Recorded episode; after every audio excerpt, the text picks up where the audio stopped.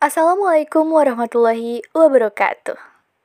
Ketemu lagi nih sama saya yang bakal nemenin waktu santai kamu sama hal yang ada sedikit manfaatnya ya insya Allah.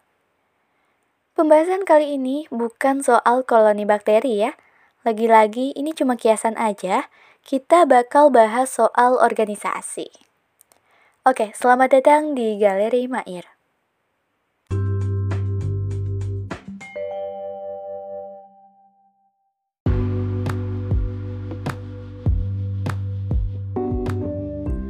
Semenjak awal banget coba podcast di Spotify, ternyata banyak apresiasinya dari teman-teman yang bikin saya semangat konten. Saya bersyukur dan saya berterima kasih juga pada Allah dan diri saya sendiri yang lambat laun bisa terbentuk karakter saya menjadi seperti sekarang ini. Ya, semua ini nggak lepas dari pengalaman-pengalaman yang udah saya alamin. Untuk saat ini, pengalaman yang paling besar pengaruhnya di hidup saya adalah organisasi.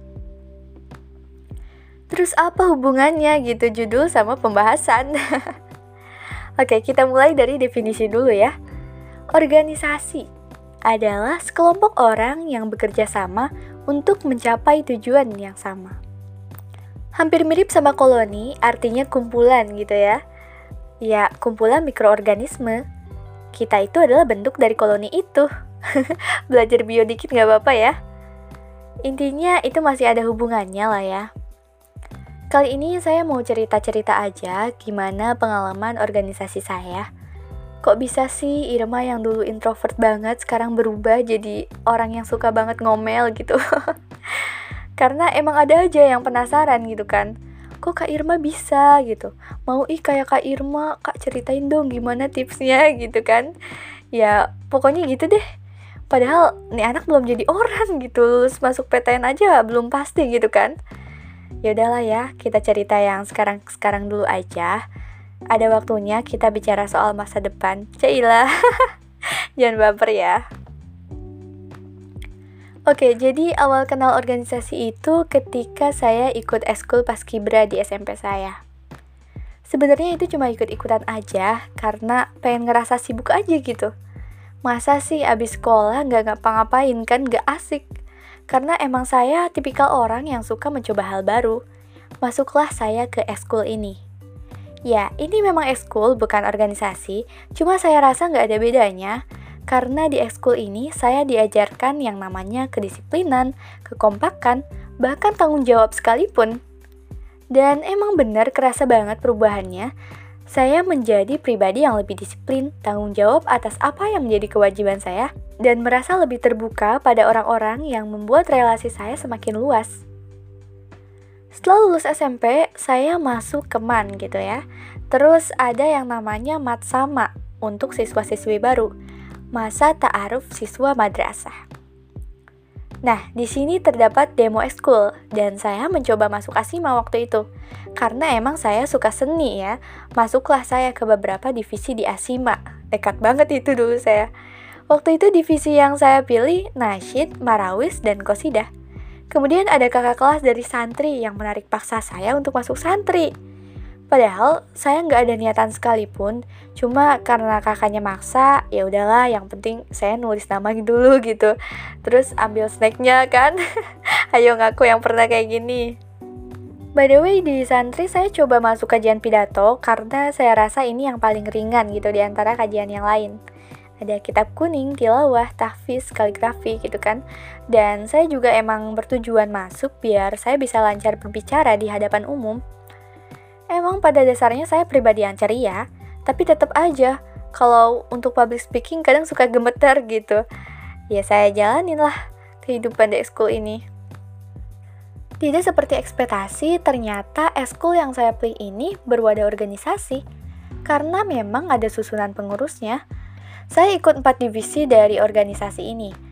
Dan saya dituntut untuk bisa memanajemen waktu Alhamdulillahnya keempat divisi saya hari latihannya nggak bentrok gitu kan.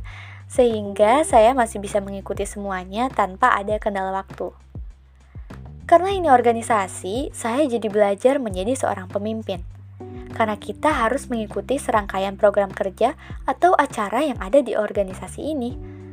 Ketika saya menjadi panitia, saya berpikir seluruh panitia adalah seorang pemimpin. Karena semuanya yang mengatur bagaimana sebuah acara berjalan lancar. Begitu mindset saya. Di kedua organisasi ini juga, saya dituntut untuk bisa berbicara pada siapa pun. Karena memang ada saja kesempatan yang mewajibkan saya untuk berbicara, seperti rapat, menjadi MC, bahkan berpidato. Semua itu membuat saya menjadi lebih berani lagi, lebih percaya diri, dan hal itu kepake banget ketika saya berada di kelas. Ya, awalnya saya nggak bisa yang namanya presentasi, tapi lambat laun hal ini jadi aktivitas favorit saya. Mungkin ada yang beranggapan saya ini caper banget orangnya. Maaf ya, teman-teman pendengar. Bukan maksud apa-apa, tapi saya punya prinsip. Kita tuh nggak harus pinter, yang penting kita aktif gitu. Hal itu terbukti ketika saya mendapat ranking kelas. Sebenarnya saya rasa ada teman saya yang lebih berhak mendapatkan ranking yang lebih tinggi dari saya. Karena secara pengetahuan teman-teman saya ini lebih luas gitu.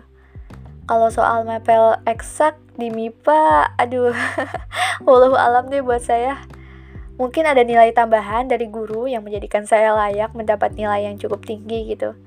Bukan hanya itu, saya pun selalu mengumpulkan tugas karena merasa ada tanggung jawab di diri saya. Ya, meskipun kadang telat ngumpulin tugas, yang penting ngumpulin kan. Dan pastikan komunikasi kita dengan guru lancar. Aman deh itu nilai. Oke, balik lagi ke organisasi yang menjadi pengaruh besar di hidup saya. Alhamdulillah saya diamanahkan untuk menjadi pengurus, koordinator kosidah di Asima, dan sekaligus sekretaris umum di santri. Dualisme menurut saya nggak masalah sih, asalkan kita siap bertanggung jawab atas keduanya gitu. Ya, awalnya saya beranggapan seperti itu, lama-kelamaan saya menjabat, ada aja gitu masalah yang muncul. Mulai dari kepasifan anggota, kekurangan dana untuk acara, dan kita sebagai panitia pun harus menyisihkan uang demi kelancaran acara ini. Dipikir-pikir organisasi ini sumber masalah sih. Nih ya, udah kita capek, pulang sore, bahkan sampai malam gitu kan, wajib bayar uang kas lagi. Belum lagi buat menuhin keperluan acara. Untuk beberapa orang mungkin ini alasan mereka tidak memilih masuk organisasi gitu. Tapi bagi saya, pengalaman itu nggak bisa terukur dengan uang. Setiap keputusan yang kita ambil tentu ada resikonya. Sekarang alhamdulillah saya baru aja nyelesain LPJ dari kedua organisasi ini dan alhamdulillah lancar. Ya jalanin aja, gak ada ruginya kok. Trust me, it works. Yang saya jalanin sekarang adalah melatih diri untuk mengembangkan potensi. Mengikuti beberapa perlombaan untuk mengukur kemampuan saya. Sebenarnya saya sering banget gagal, cuman ya nggak dipublikasikan aja Mungkin teman-teman lihatnya hidup saya lancar-lancar aja gitu. Bukan maksud apa-apa, saya cuma mau memotivasi aja. Saya aja bisa gitu, masa kamu enggak? Kita kan sama-sama makan nasi. Coba deh, gunain waktunya sama hal yang ada manfaatnya. Nih, jadi ceritanya gini. Awal ikut lomba itu di Smapiwan. Dengan nekatnya saya ikut dua lomba di hari yang sama. Tapi lomba dai itu pagi, terus nasyid siang. Setelah pengumuman, saya gagal juara di lomba dai. Namun alhamdulillahnya saya menang di lomba nasyid. Waktu itu juara dua. Dari sini saya belajar bahwa saya jangan maruk lah istilahnya. Saya harus memprioritaskan sesuatu dengan maksimal. Tapi saya nggak nyerah gitu aja, saya juga coba mencari lomba-lomba yang ada di internet. Alhamdulillah sebagian besar menang, tapi ada juga yang gagalnya. Ya, pokoknya sering-sering ukur kemampuan deh dengan ikut-ikut lomba, biar kita tuh bisa mengevaluasi apa yang menjadi kesalahan di hidup kita. Oke, mungkin segitu aja ya. Mudah-mudahan teman-teman pendengar bisa ambil yang baiknya dan doakan saya tahun ini semoga masuk IPB ya. Amin. Semoga dilancarkan dan semangat juga buat teman-teman seperjuangan yang saat ini berjuang untuk masuk PTN dengan jalur apa pun. Semoga sukses. Nah, itu tuh salah satu hal yang paling penting. Doa. Seberapa kita berusaha pun tetap jangan lupa bahwa kita ini seorang hamba yang punya kewajiban beribadah kepada Robnya. Jangan remehkan kekuatan doa, kita bisa menjadi seperti sekarang tak lepas dari doa-doa yang dipanjatkan oleh orang tua kita. Atau mungkin beberapa orang yang diam-diam mendoakan kita. Pokoknya tetap selalu bersyukur ya. Oke cukup, sampai jumpa di next episode. Wassalamualaikum warahmatullahi wabarakatuh.